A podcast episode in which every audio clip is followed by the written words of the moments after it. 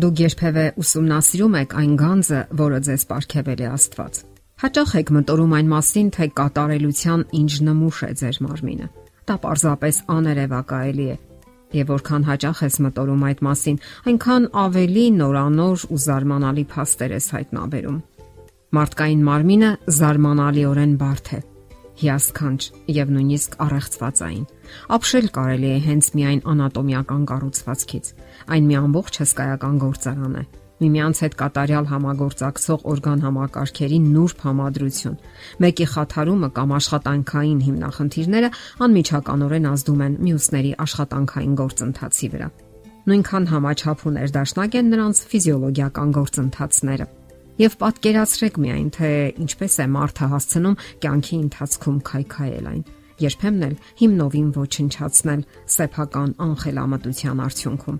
այո վստահաբար կարելի ասել որ առողջությունը լավագույն պարգևն է որ Աստված տալիս է մարդուն իսկ ո՞րն է լավագույն առողջությունը երբ օլիմպիական խաղերում համաշխարհային ռեկորդ ենք սահմանում թե բոքսի ռինգում ինչ որ մեկին նոկաուտի են ենթարկում ոչ մեկը եւ ոչ էլ մյուսը Լավագույն առողջությունն այն է, երբ մարդը պահպանում եւ խնայում է Աստծուց տրված այդ ստեղծագործությունը, որpիսի ապրի երկար եւ առողջ մի կյանք։ Երբ մեր մարմնի այդ բարդ մեխանիզմի օրգաններն ու համակարգերը հրաշալիորեն համագործակցում են միավորված մեկ նպատակի շուրջ։ Եվ այդ համագործակցությունն էլ ապահովում է մեր առողջությունն ու երկարակեցությունը։ Եկեք պատկերացնենք մաշկը եւ միլիոնավոր թելիկներ ամրապնդում են եւ միավորում ողջ մարմինը մեկ ամբողջության մեջ։ Նաեւ հեղուկների միջոցով ջուրը հարստանալով օգտակար եւ սննդարար նյութերով տարածվում է ողջ օրգանիզմով մեկ։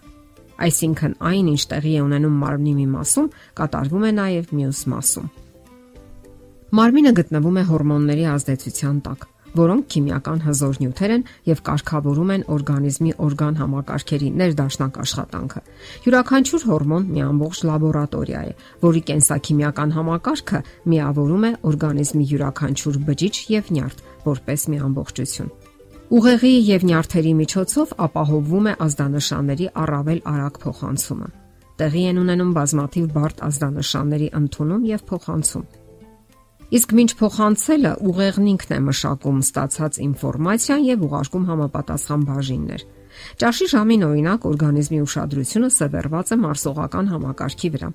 Այն ապահովում է ներս մտնող սննդանյութերի քայքայումը, տեղաբաշխում է համապատասխան նյութերը, իսկ ավելորդը հեռացնում է օրգանիզմից։ Այս բոլորը իրականացվում է նյարդային համակարգի միջոցով, որը առաջնորդվում է ուղեղի կողմից։ Ավելի ուշ, երբ մարդը զբաղվում է, ասենք օրինակ, ֆիզիկական վարժություններով կամ որևէ աշխատանքով, տանը կամ այգում, օրգանիզմը տրամադրվում է դեպի մկանային համակարգը։ Առաջնային է դառնում մկանների աշխատանքը, կծկումները եւ այլն։ Այդ ժամանակ սիրտը, թոքերն ու նյարդային համակարգը պետք է համախմբվեն, միաձուլվեն եւ սատարեն մկանային ակտիվությանը։ Իսկ երեկոյան Երբ աշխատանքային կամ այլ ակտիվությունը արդեն թուլացել է եւ մարդը նստել է համակարգչի առաջ կամ թերթ կարդալու, ծանրաբեռնվածությունը նյարդային համակարգի վրա այլ օրգանների կողմից նվազում է եւ օրգանիզմը կենտրոնանում է մտավոր գործունեության վրա։ Այս բոլոր հոգեկան, ֆիզիկական եւ ֆիզիոլոգիական գործընթացները ցույց են տալիս, թե ինչ գերազանց մշակված մեխանիզմներով է աշխատում մեր մարմինը։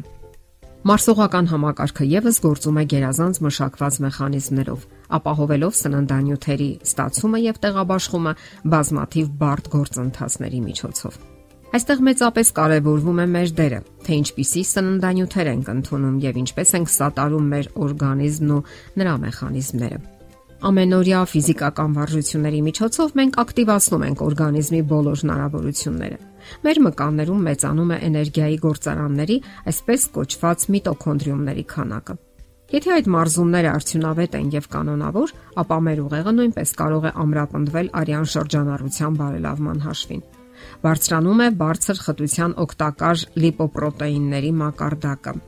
իսկ դրանք արյան փոքրիկ բեռնատարներ են։ Նրանք վազվզում են օրգանիզմով մեկ խոլեստերինը տարբեր տեղերից ստանելով եւ դրանք լյարդում բեռնաթափելով, որտեղ դրանք վերածվում են լեղաթթուների։ Եվ այս ամենը դարձյալ մշակված է գերազանց կերպով։ Ֆիզիկական ակտիվությունը օգնում է նաև կարգավորելու քունը, Քանի որ այսօրվա քունը վաղվա էներգիան է, ապա զարմանալի չէ, որ մարզվող մարդիկ իրենց ավելի լավ են զգում եւ ավելի քիչ են ենթակա դեպրեսիայի։